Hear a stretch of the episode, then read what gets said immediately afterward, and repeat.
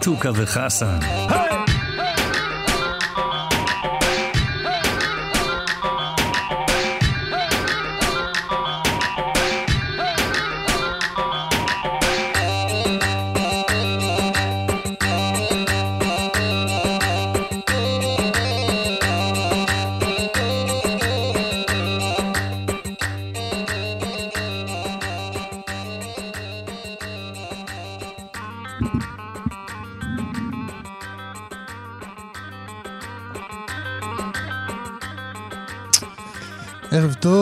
חמישי שמח.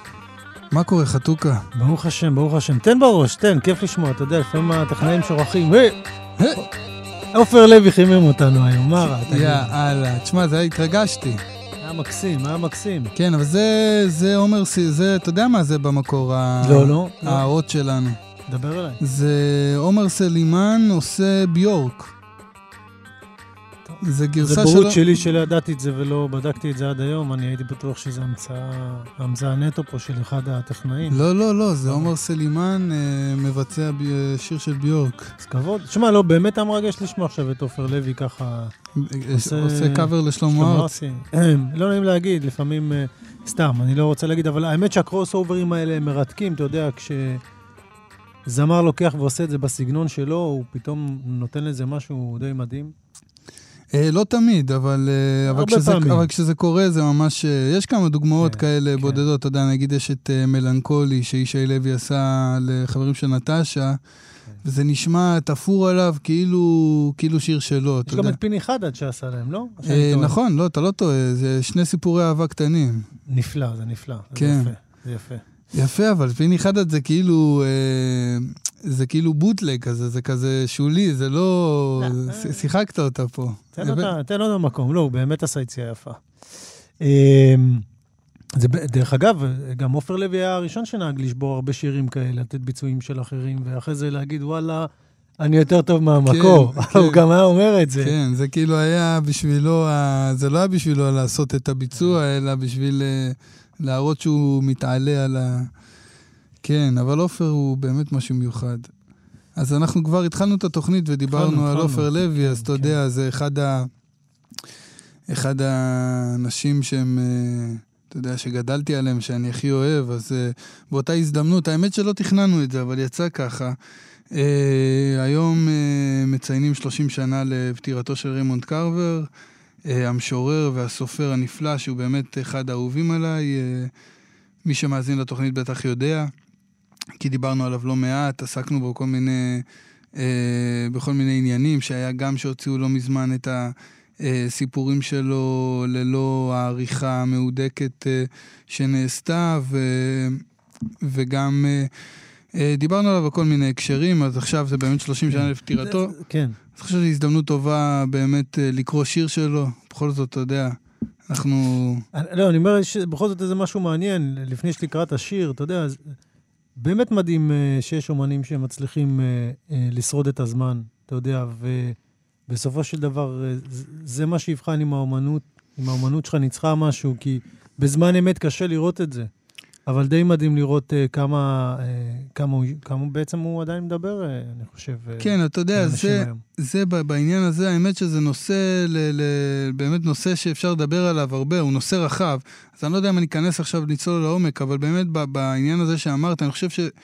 שבמקרה של, של ריימונד קרבר זה לא כל כך הישרדות, זה הרבה יותר מהישרדות. כי בעניין של ההישרדות, אתה יודע, יש כל מיני מתווכי זיכרון, מה שנקרא, שמשאירים בתודעה כל מיני אומנים שהם לאו דווקא אה, אבל זה סינתטי, אתה לא באמת מאמין בזה. כן, שהם לאו דווקא השפיעו כן. מאוד באותה תקופה, ועל אחת כמה וכמה בימינו אנו.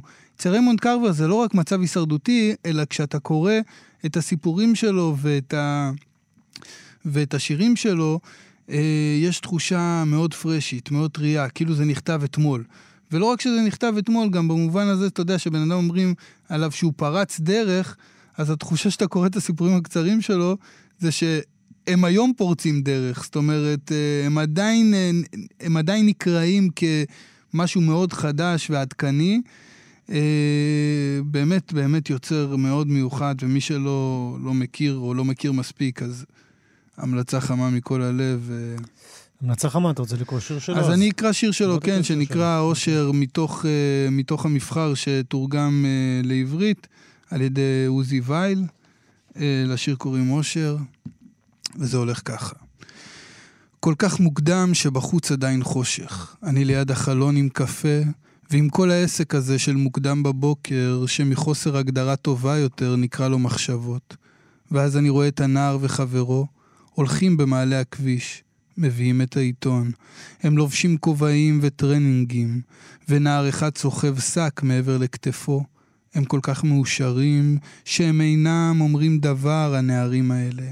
אני חושב שאם היו יכולים, היו נותנים יד אחד לשני. מוקדם מאוד בבוקר, והם עושים את הדבר הזה ביחד. הם מתקרבים לאט. השמיים מקבלים סימנים של אור, למרות שהירח עוד תלוי חיוור מעל המים. יופי כזה שלמשך דקה, מוות ושאפתנות, אפילו אהבה, לא נכנסים לכאן. אושר, הוא מגיע בהפתעה והוא הרבה מעבר באמת לכל שיחה, בוקר אודותיו.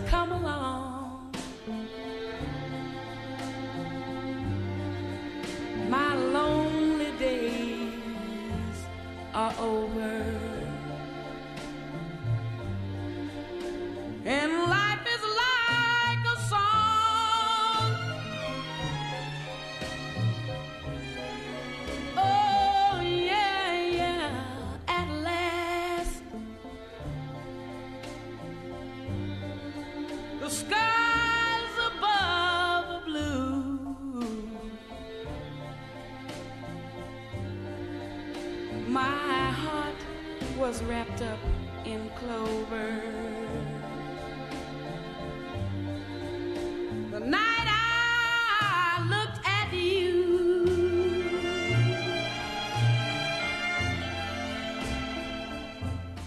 I found a dream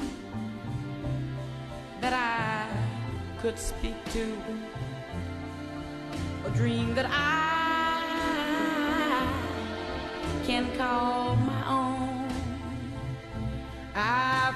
found a thrill to press my cheek to, a thrill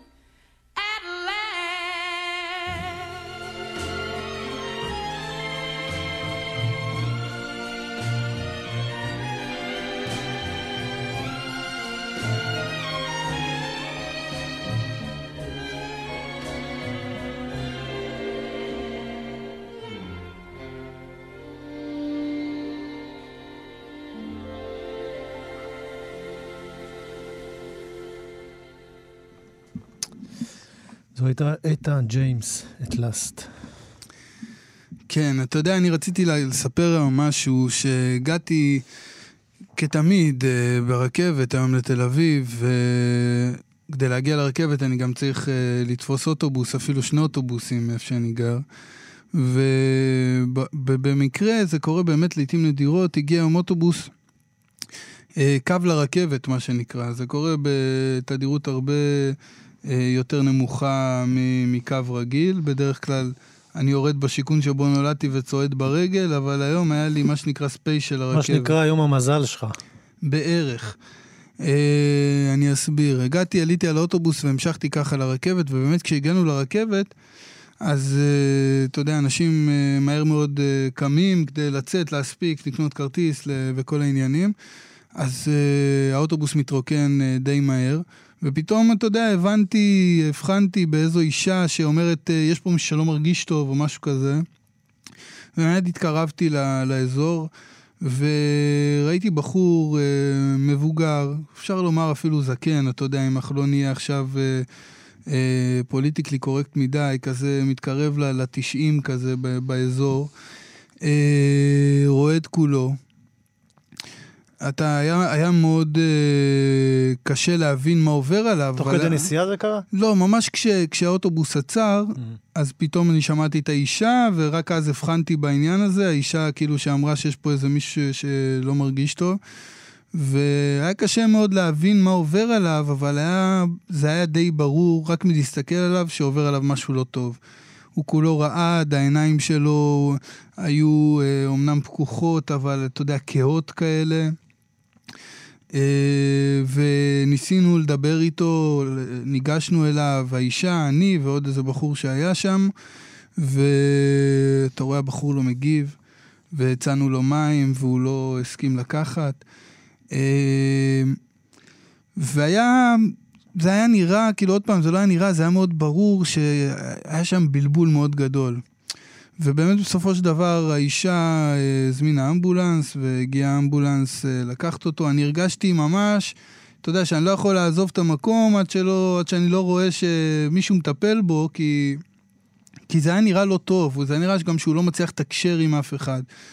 ובאמת בא האמבולנס ועלה, והעלו אותו לאמבולנס, וזה ממש, אתה יודע... כל עלי- זה קרה בתחנת רכבת. כן, בתחנת רכבת, ועליתי עם תחושת חמיצות כזאת קשה על, ה, על הבלבול הזה שבזקנה והבדידות הזאת, ופתאום חשבתי על הבן אדם הזה. אתה יודע, אין לי שום דרך לדעת בעצם, אבל לתחושתי, לא היה שום סיכוי בעולם שהוא עלה במודע לאוטובוס שמוביל לרכבת, כי הוא לא נראה כמו אחד שהולך לנסוע עכשיו לשום מקום. הוא היה בלי כלום, אתה יודע, עם איזה עיתון אה, ברוסית בידיים. אה, ו... וכל ה... המצב הזה של הבלבול, זה כזה, אתה יודע, זה עשה לי ממש ממש... הרגשתי חנוק, בוא נגיד ככה.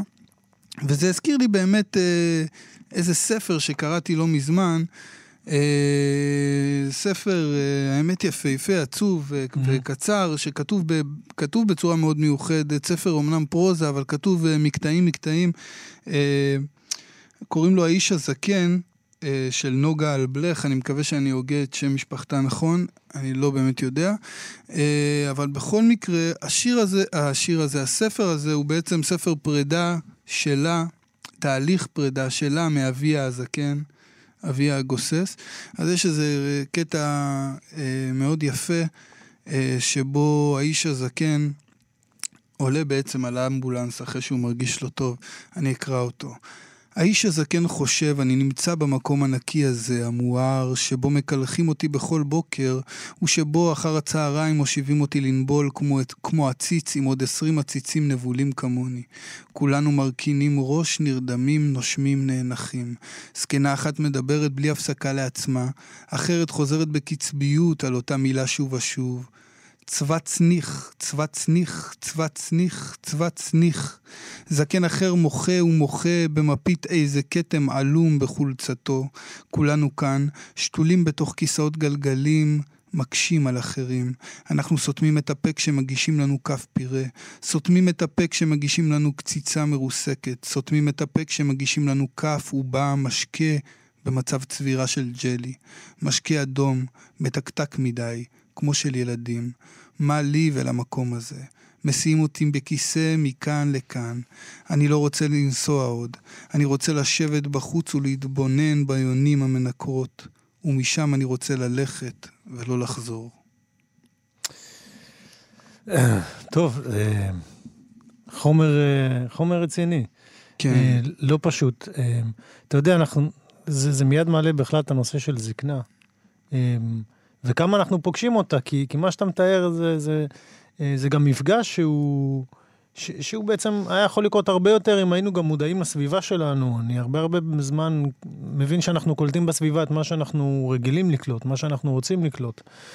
אה, ומדי פעם יש איזושהי חריגה, ואנחנו גם קולטים דברים שאנחנו לא אמורים לקלוט, או כל מיני דברים שנכנסים לנו לסביבה, לתודעה.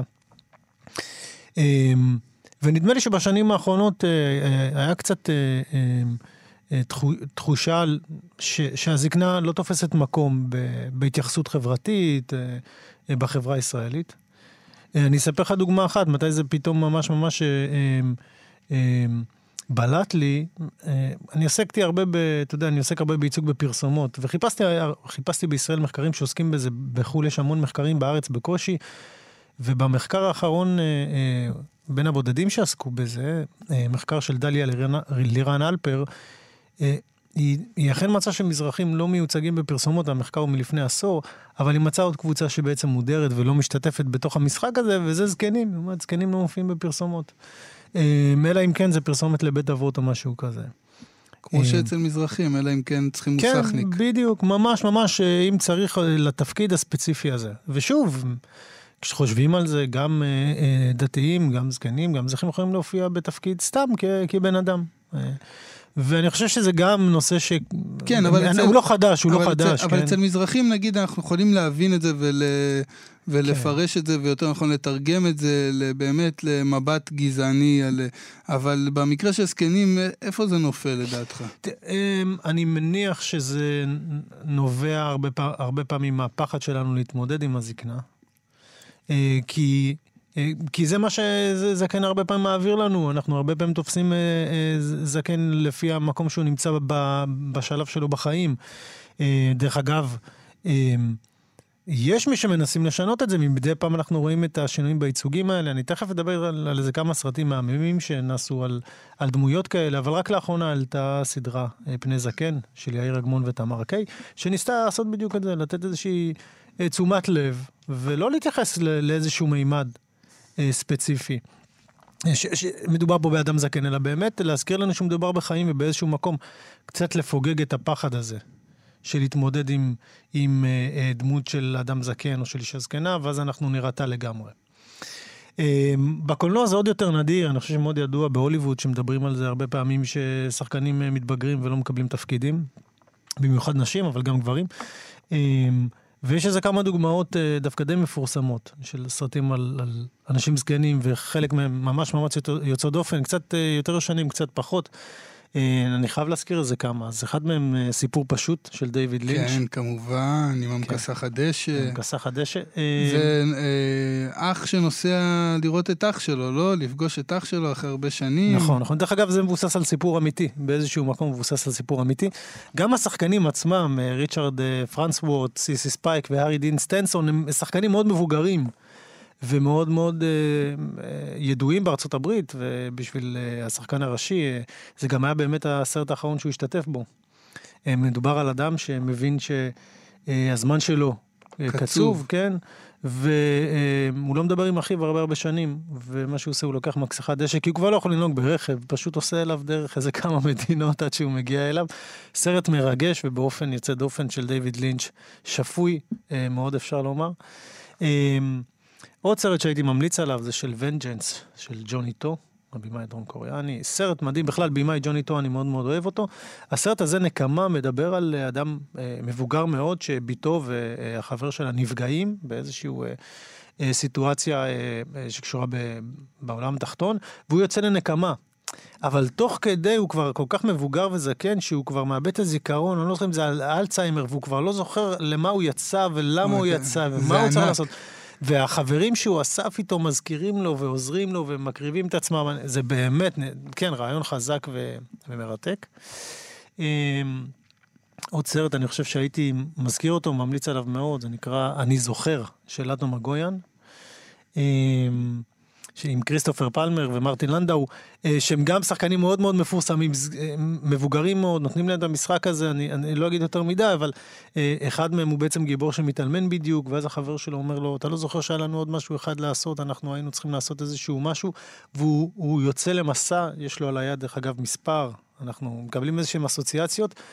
אה, סרט מבריק, ואני מאוד מאוד אהבתי שבסרטים האלה פתאום שמו לנו גיבורים שהם לא בהכרח, לי כבר נמאס לראות כל פעם את הגיבורים באותו, אתה יודע, באותו מצב צבירה, באותו מקום בחיים, באותו גיל, ונותנים לנו לראות אנשים אה, בגילאים אחרים קצת.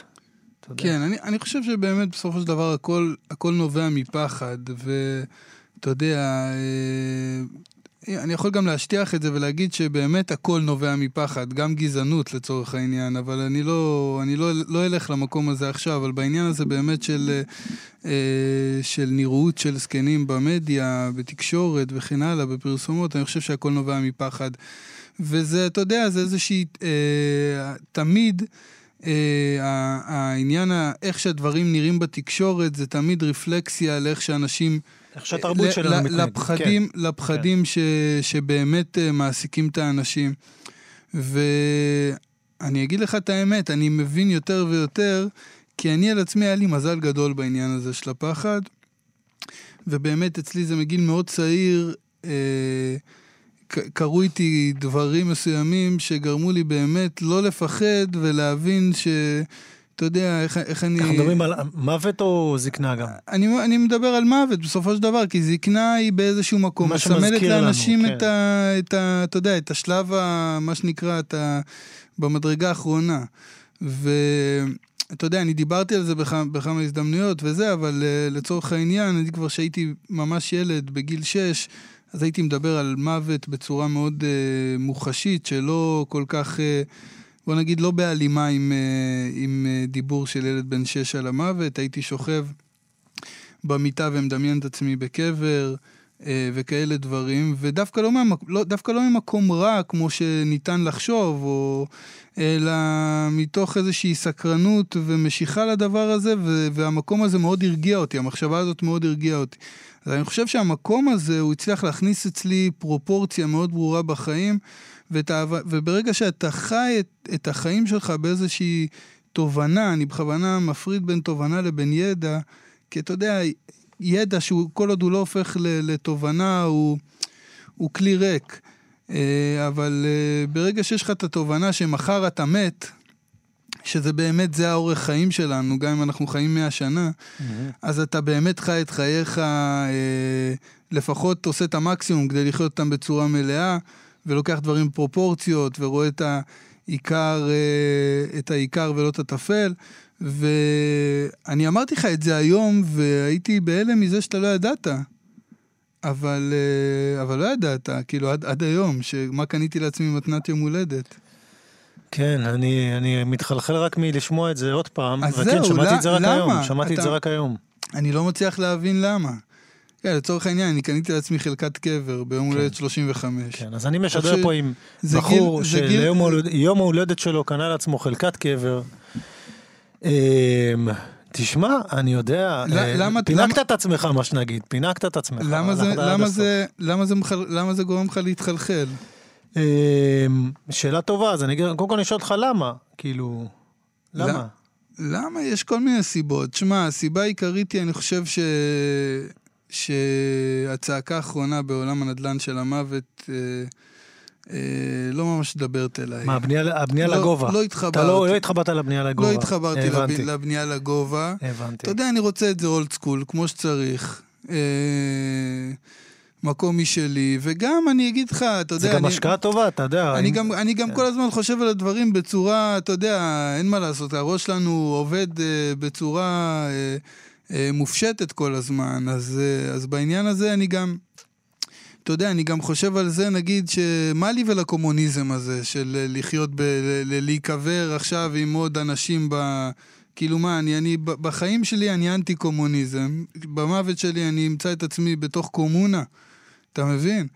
אני בן אדם הכי... אה, אה, איך זה נקרא? אה, גבר של אישה אחת, שכחתי את המונוגמי. אמ, הכי מונוגמי שיכול להיות, אני כבר אה, 20 שנה עם אותה אישה אהובה במערכת יחסים, ומה לי אתה פתאום רוצה את עכשיו הפינה שלך בשקט, כן, אתה אתה אומר, יודע. בלי שכנים. כן. אתה יודע, למוסלמים יש אה, פתרון מאוד מעניין לב- לבעיה הזאת של הבנייה לגובה. אמ, אחרי זה כמה, אחרי כמה עשרות שנים הם פשוט אוספים את כל העצמות. מכל, כי, כי אה, אחרי שכבר לא נשאר גם מי שיבקר, ושמים את זה באיזושהי פינה אחת. היית נסגר, סידור כזה מתאים לך? לא יודע, לא, לא, אני לא חושב בתור אוקיי. מוסלמי, אז אני לא לוקח לא, את זה כאופציה. מעניין, אני חושב שזה דווקא רעיון טוב. אה, תשמע, השאלה השנייה שרציתי לשאול אותך, כאילו, מה אכפת לך איפה תהיה? אחרי שאתה, אתה יודע, אחרי המוות. כן, זה גם שאלה ש- שעולה, אבל אתה יודע, כשאני אמות לא באמת יהיה אכפת לי איפה אני אהיה, אבל כשאני חי, אז כן אכפת לי. אתה יודע, המוות מעסיק אותי כשאני חי, לא כשאני מת. ו... ונראה לי שאני רוצה למצוא את הסידור הזה. אתה יודע, גם היה חשוב לי כל מיני פרטים טכניים, שזה לא יהיה קרוב מדי לכביש הראשי, שיהיה איזה כמה עצים בסביבה, שתהיה אווירה נחמדה, בכל זאת, אתה יודע. גם זה, גם זה, גם זה נראה לי הזוי, שאתה חי איקס שנים על הכדור, ויום אחד אתה מת, ואז טומנים אותך באיזה מקום, ואין לך מושג איפה אתה הולך עכשיו אה, לישון לנצח. אבל אה, בית אנחנו קונים, משכנתות, מתרוצצים, עובדים כל החיים בשביל לחיות בבית שחיים בו אה, גג 30-40 שנה. אז אתה יודע, אוקיי. שני סיפורים הזכרת לי.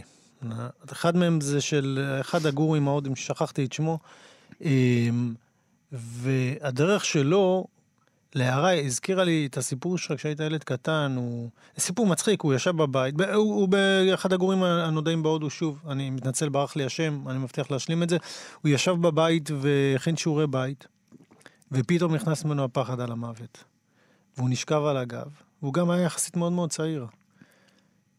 ואיך שהוא נכנס לזה, והוא אמר, קרה לו איזשהו משהו, קרה לו איזשהו משהו, הוא עזב את הכל, התחיל לנדוד, מצא מקום באיזה מקדש, ואז הפך להיות איזשהו גורו. אמ, והסיפור השני זה של אמ, אה, גורו אחר, שהתלמידים שאלו אותו, איפה, איפה נקבור אותך אחרי, ש... אחרי שתמות? תגיד לנו מה לעשות. ואז הוא אמר להם, מה זה משנה? אם תשימו אותי למטה, יאכלו אותי הנבלות. תשימו אותי למעלה, על איזה הר, יאכלו אותי הבגרים. אז מה זה משנה? אז אמרתי לך, זה משנה כשחיים, לא כשמתים. נכון. אבל אם אתה רוצה לשאול אותי, באמת אתה רוצה לשמוע אחרי כל החרטות את הסיבה האמיתית ללמה לקנות אה, חלקת קבר? נו. סגולה לחיים ארוכים. אה, חשבתי תגיד לי השקעה. גם, סוג של.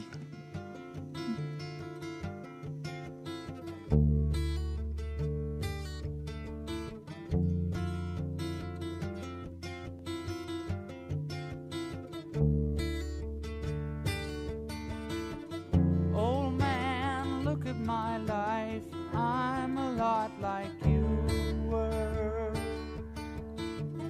Old man, look at my life. I'm a lot like you were.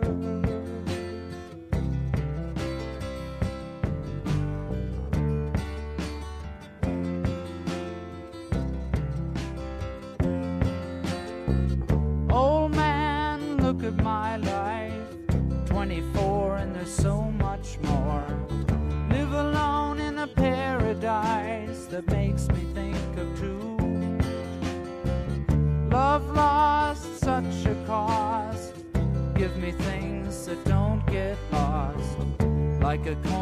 I won't get taught.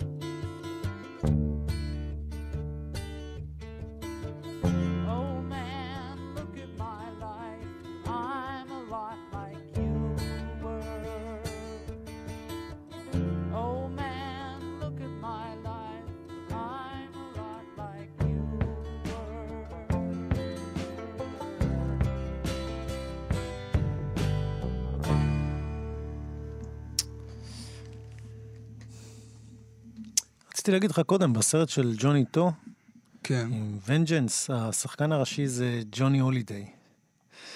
שזה האלוויס פרסלי הצרפתי, so called, אתה- יודע, אני חושב שבישראל הגיעו התמונות מהלוויה שלו, מיליון איש שהובילו אותו ברחובות.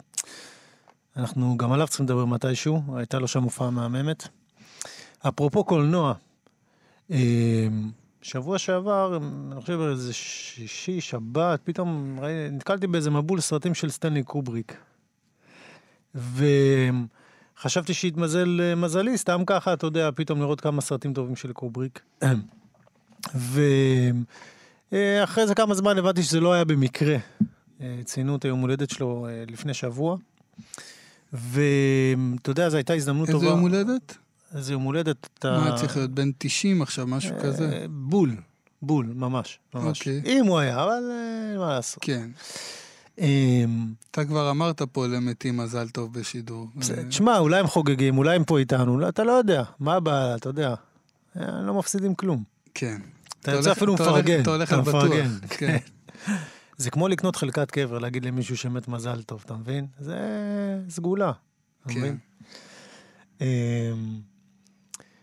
תשמע, זו הייתה הזדמנות, נדבר קצת ברצינות על, על לראות את הרטרוספקטיבה הזאת של סטנלי קובריק, ואחרי זה כבר באופן יזום הלכתי לראות איזה סרט או שניים, וזה פשוט באמת באמת מדהים, מדהים מדהים לראות.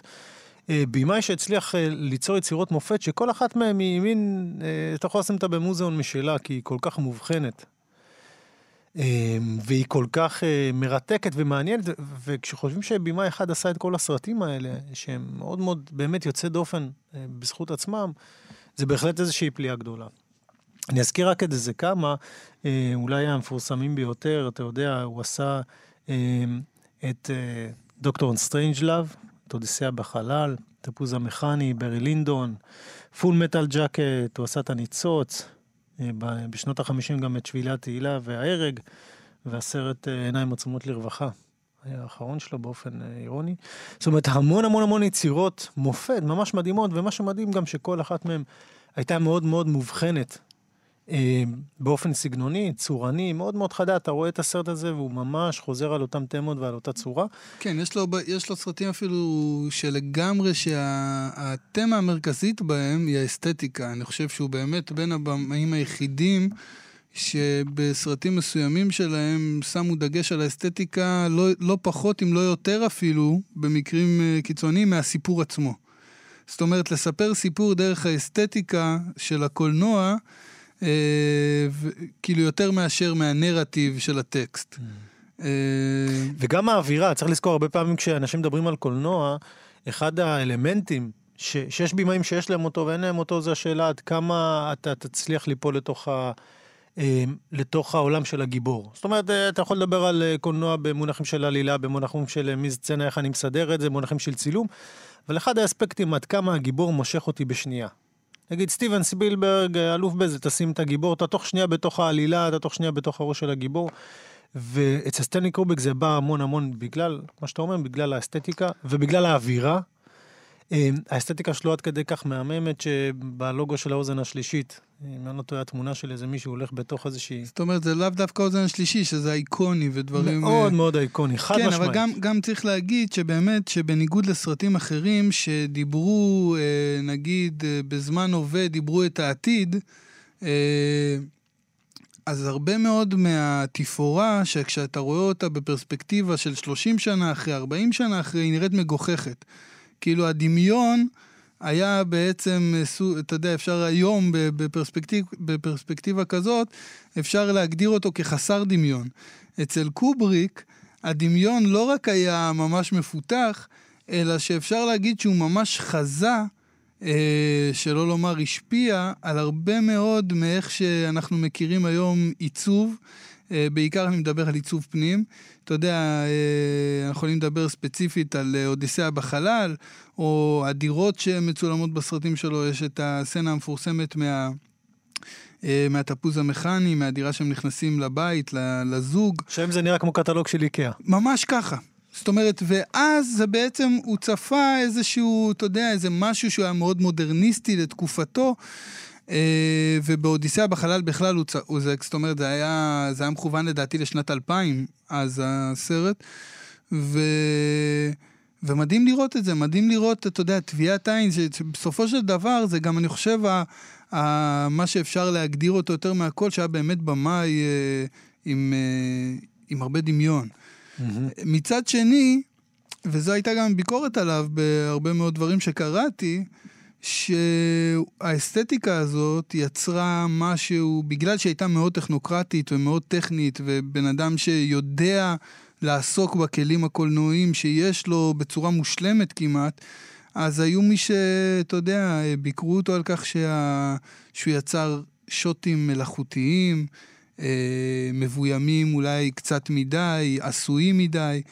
אה, אבל uh, מעניין לראות את זה כן. במרוצת השנים, כי היום אני חושב שזה לא, לא ממש מחזיק מים הביקורת הזאת. כי גם לא, סרטים כן. היפר-ריאליסטיים mm-hmm. שעושים אותם היום, עדיין מקפידים על שוטים מאוד מהודקים ומאוד... Uh, uh, ועל אסתטיקה גבוהה. זאת אומרת, uh, אני חושב שבמבחן הזה של הזמן, לגבי חשיבות האסתטיקה בקולנוע, אני חושב שקובריק ניצח. זה הופך להיות מין שיעור קולנוע על, על, על, על, בעצם גם על אומנות, כי בסך הכל באמת איך אני מעביר באמצעות מד, מדיה שונה, אתה יודע, אה, את היכולת לחוות משהו. ואנחנו דיברנו באמת על האסתטיקה, ו, אה, אה, אבל גם קובריק ידע לקחת נושאים נפיצים ורגישים מאוד. זאת אומרת, חלק מהנושאים בסרטים שלו, רק... רק לא על הנושא חלק, עצמו. אני חושב כולם, כולם. אני חושב שאתה תעבור אחד-אחד. אנחנו נזכיר את זה כמה שהם פשוט בלתי נתפסים. אם אני רק מסתכל נגיד על שבילי התהילה, דרך אגב, המון המון סרטים שלו מבוססים על ספרים, אבל בעיבוד חופשי. סטנלי קובריק הרשה לעצמו הרבה פעמים לסטות לגמרי כדי לענות על המטרה ויש, שלו. ויש לומר גם שבאמת, אם כבר התחלת לדבר על זה, שבאופן די נדיר, אה, בהרבה מאוד מקרים הסרטים שלו התעלו על הספרים עצמם. זאת אומרת, אולי אם להוציא את לוליטה מה... מהרשימה, לוליטה של... אה, של אה, נובקו, נב... נבוקוב, ולדימיר כן, נבוקוב. ברח לי ההגייה. אה, תוציא את זה החוצה, אז...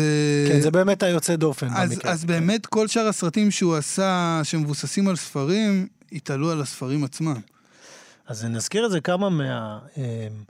בשבילי התהילה, למשל, אה, סיפור מטורף. קונפ... סיפור מטורף. שלוש... אה, מפקד כיתה מנסה להגן על הכיתה שלו אחרי שהם לא יצאו למסיבת התאבדות, ובכל זאת זה לא עוזר לו, ומפקד חטיבה אומר, תבחר שלושה, אנחנו הולכים להוציא להורג, תבחר אתה שלושה.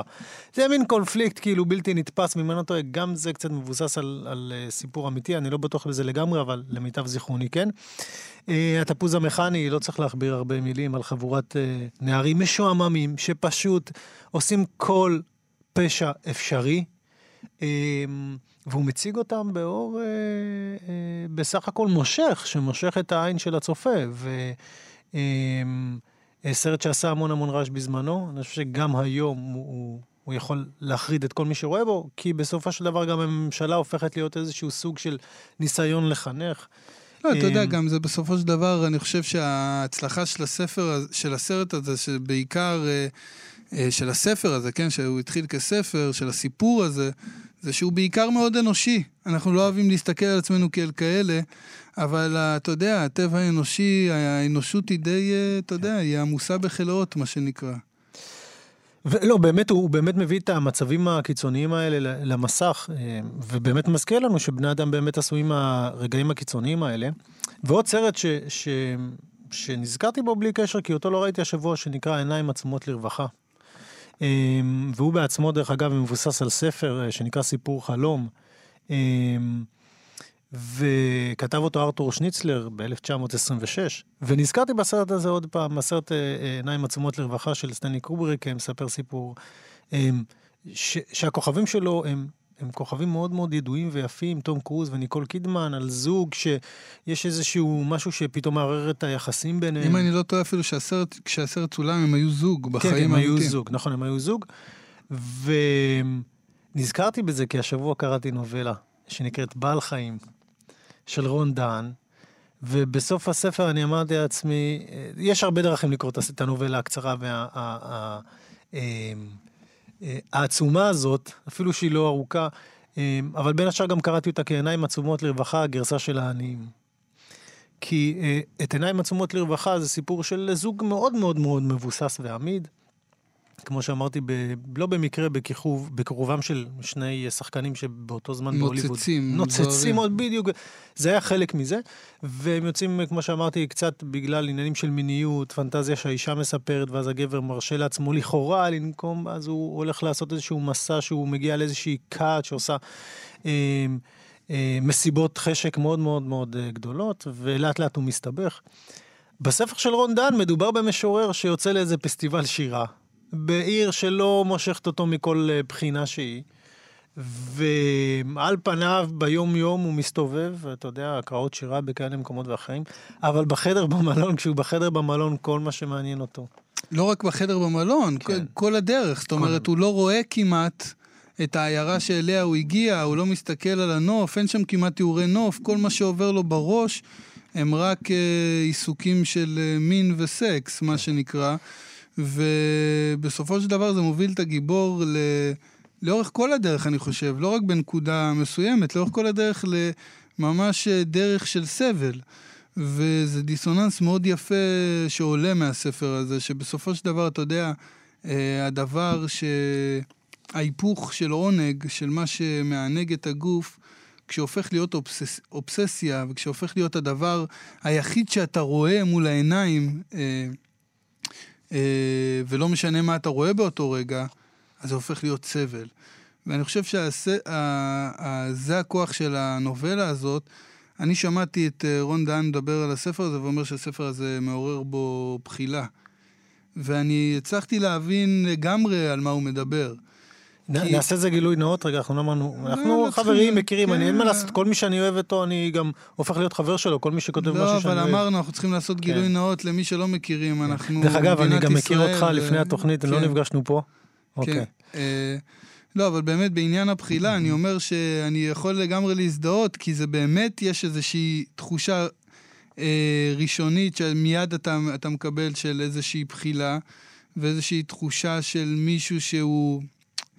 אתה יודע, לא, לא, בוא נגיד ככה, אה, לא מישהו שהיית רוצה להתרועע איתו ביום-יום, אבל... אה, אני גם חושב שהיה שם משהו מאוד מאוד דומה לאומנות, כי, כי באיזשהו מקום, בסך הכל, זה אמנם סופר ולא משורר, המרחק שלו מהדמות. אבל אני רק, רק כן. אגיד זה, כשה, ה, ה, רק אסיים את זה, כי באמת אה, במשפט, שמה שאני מאוד אוהב בזה, שהדמות של הגיבור היא מעוררת בך בחילה, אבל היא גם מעוררת בעצמה בחילה. זאת אומרת, הגיבור באיזשהו אופן מודע לעצמו. אה, וזה מאוד יפה לראות, ואני חושב שבסופו של דבר, מה, ש, מה שבאמת חזק ב, בספר הזה, או בסיפור הזה, זה התהליך הזה שבא לספר לך שמה ש, מה שאולי בחוגים מסוימים, בחוגים שמרניים, בחוגים, אה, לא יודע מה, אה, נכונים, זאת אומרת, שומרים בהם את הדברים הנכונים, הדברים שהוא עושה או חושב עליהם הם סטייה.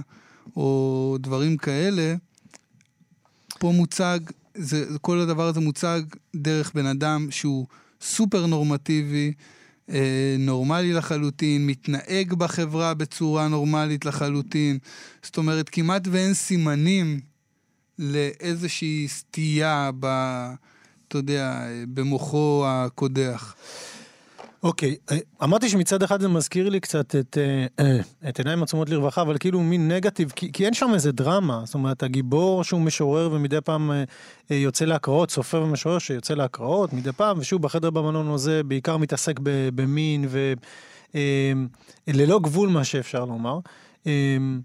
הוא באיזשהו מקום, כאילו, קצת אי אפשר שלא לחשוב על באמת על, על אומנות כאיזשהו מקום של היחשפות, שיש בה גם איזשהו... אה, אה, משהו שנותן לך איזה סיפוק מיני. זאת אומרת, ההתערטלות עצמה, בכתיבה עצמה, יכולה להיות מאוד מאוד דומה ל, ל, אמ, להנאה שיש לנו כשאנחנו נחשפים גם באופן פיזי. וזה היה גם בעיניי מאוד מאוד מעניין, רק שפשוט לעולם האומנות יש מקום מאוד מהוגן. אבל באיזשהו מקום זה כאילו לא מעוגן לחלוטין. סליחה על השמרנות אולי אם היא תישמע מדבריי פה, אבל uh, בעיניי מעשה האומנות הוא, הוא נוגע הרבה יותר ברוח ובנשמה מאשר uh, עינוגים של גוף ו... אני האומנות... עינוגים של נפש, כמובן, בהתאמה. בעינוגים כן, של כי, נפש. כי אצלי היצירה היא בעיקר מעייפת לי את הגוף, ואם היא כבר מרוממת משהו, אז היא לא, מרוממת את ה... הגבלה, לפי התכוונתי שהיא לנפש, ואל תשכח שיש גם אנשים שתופסים את הסקס כמשהו שיכול לתת לך איזושהי התעלות רוחנית. אם אנחנו מסתכלים אה, על, על תורות מסוימות או משהו כזה. ואני גם מזכיר, אתה באמת אמרת, הגיבור הוא בסך הכל מתנהג מאוד מאוד טוב, שזה שוב אנטיתזה לבית לוטנט, פקד מושחת, סרט מאוד מאוד ידוע עם ארווי קייטל, עשו לו אחרי זה גרסה עם של ורנר הרצוג, איזה מענג, מענג. אמ, ששם הוא מושחת לאורך כל הדרך, אבל פה אתה אומר זה באמת מפתיע לראות שלכאורה דמות מעוגנת מאוד. מה זה מעוגנת? הולך לבתי ספר, קורא שירים לילדים, אה, אתה יודע, לא, לא דמות בעייתית, לא דמות שיוצרת דרמות מיוחדות מבחינה התנהגותית. הכל זורם, מה שנקרא. אתה יודע, הבן אדם האחרון שהיית מנחש עליו, מה, ש, מה שנקרא. אמ, אוקיי, הנובלה, הספר הזה הוא הספר השמיני של רון דן. כן. מקווה שלא יוציא שם, אה, אתה יודע, שם רע לפסטיבלים וכאלה, פסטיבלים של שירה. יצא לך להיות אתה? למה לא? יצא לך? לא. אתה אומר להוציא. שיוציא שם רע, מגיע להם שיוציאו להם שם רע. פסטיבלים של שירה זה... היית באיזה פסטיבל האחרונה? הייתי יותר מדי ומשתדל להיות כמה שפחות. אוקיי. אל טוב, תזמין, אז תקראו את הספר אם אתם חושבים, אתם צריכים לראות מה זה. פסטיבל לשירה. אלא אם כן אתם רוצים לשלם הרבה מאוד כסף, אז זה תרימו בחו"ל, טלפון. זה בחו"ל. בחו"ל זה אה, קצת יותר לחו"ל אני סבבה. תמיד מוכן לנסוע, אוקיי, אבל לא זה בשביל. השירה. דיברנו על פסטיבל בחו"ל. אה, טוב, בוא נשים קצת מוזיקה. יאללה.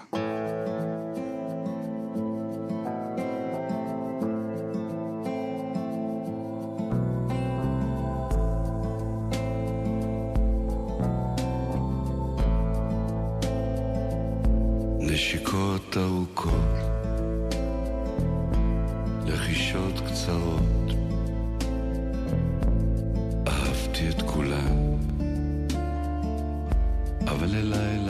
ללילה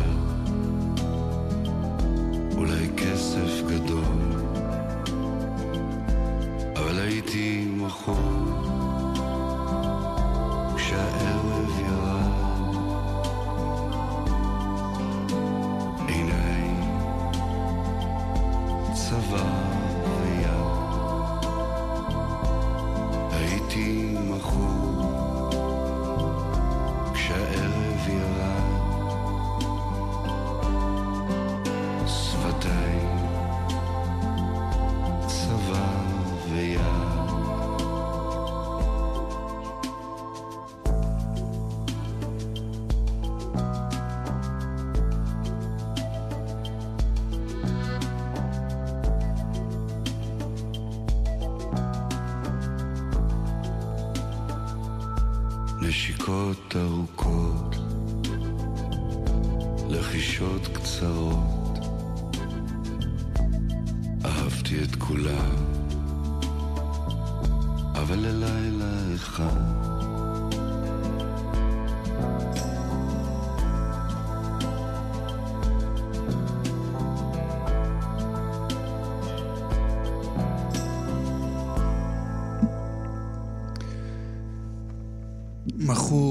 סיני, גם כאן צריך להגיד אה, גילוי נאות. אתה רואה, אנחנו לא נצא מזה.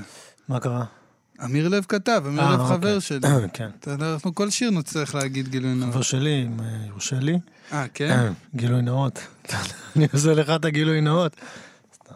אה, לא, אבל אתה יודע, מצחיק שקודם אמרת על אה, בחו"ל, אה, פסטיבלי שירה בחו"ל וזה, אז אתה יודע, אני לפני שנה הייתי באוסלו, הלכתי לסקר זהו, פסטיבל... אני זכרתי, היה לי משהו בראש, אני שואל אותך. הלכתי לסקר. את פסטיבל איפסן אה, בתיאטרון. אה, אוקיי. חזרתי עם כתבה, שלושה עמודים, לא כתבתי מילה אחת על, על שום הצגה בתיאטרון. זאת אומרת, זה הלכת לסקר את ה... אבל תשמע, לא באשמתי, זה לא... משהו? יכול להבין אותך. לא, לא, אבל זה לא באשמתי. שהביאו אותנו עד נורבגיה, עד אוסלו, בסופו של דבר, מתוך החמש, שש הצגות שהם הציגו שם, שני, אה, שתי הצגות היו עם תרגום. עכשיו, יצא לך פעם לראות אה, הצגה מתורגמת? תרגום לאנגלית? יצא לך פעם לראות דבר כזה? הצגת תיאטרון מתורגמת? וואלה, האמת... אה, תנסה לדמיין איפה ב subtitles, איפה התרגום הגיע. אוזניות? לא, מישהו על הבמה? עם הכרוז? לא, שמים לך...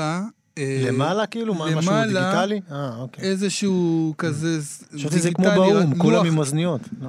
ותחשוב שכל ההצגה, אתה מרים את הראש כדי לקרוא, ואתה לא רואה מה קורה על הבמה. אז זה היה ממש בלתי אפשרי, ושאר ההצגות היו בנורבגית, אז, אה, אז כתבתי על דברים אחרים. אוקיי. אמ, מזל טוב לנבחרת שלנו, ממש מזל טוב. מגיע הזמן. אני...